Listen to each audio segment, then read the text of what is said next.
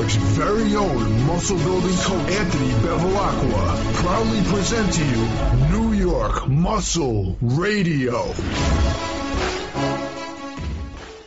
If you have an eating disorder or suffer from an eating disorder in the past, should you track macros?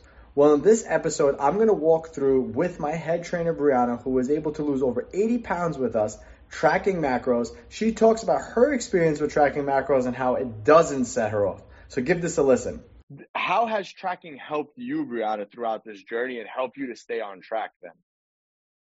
So I am, everyone asks what I do for meals, and I am all over the place. Okay my two day craving rule. If I really want that slice of pizza after two days, I'm going to get it. And I just work around it. What I do is if I do have an off day like that, um, not necessarily off, but eating something that I wouldn't normally typically eat right now.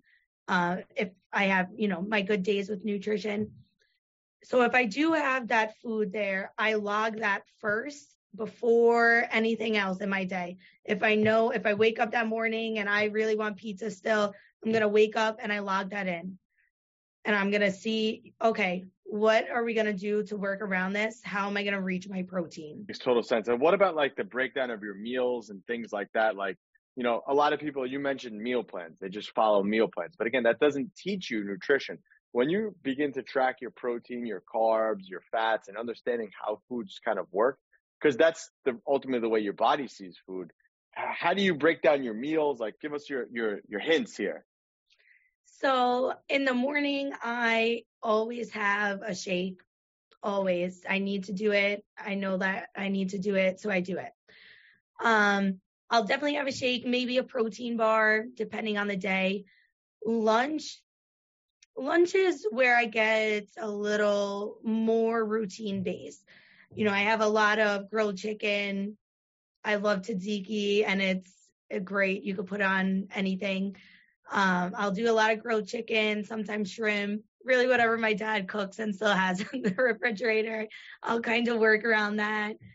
And yeah, dinner.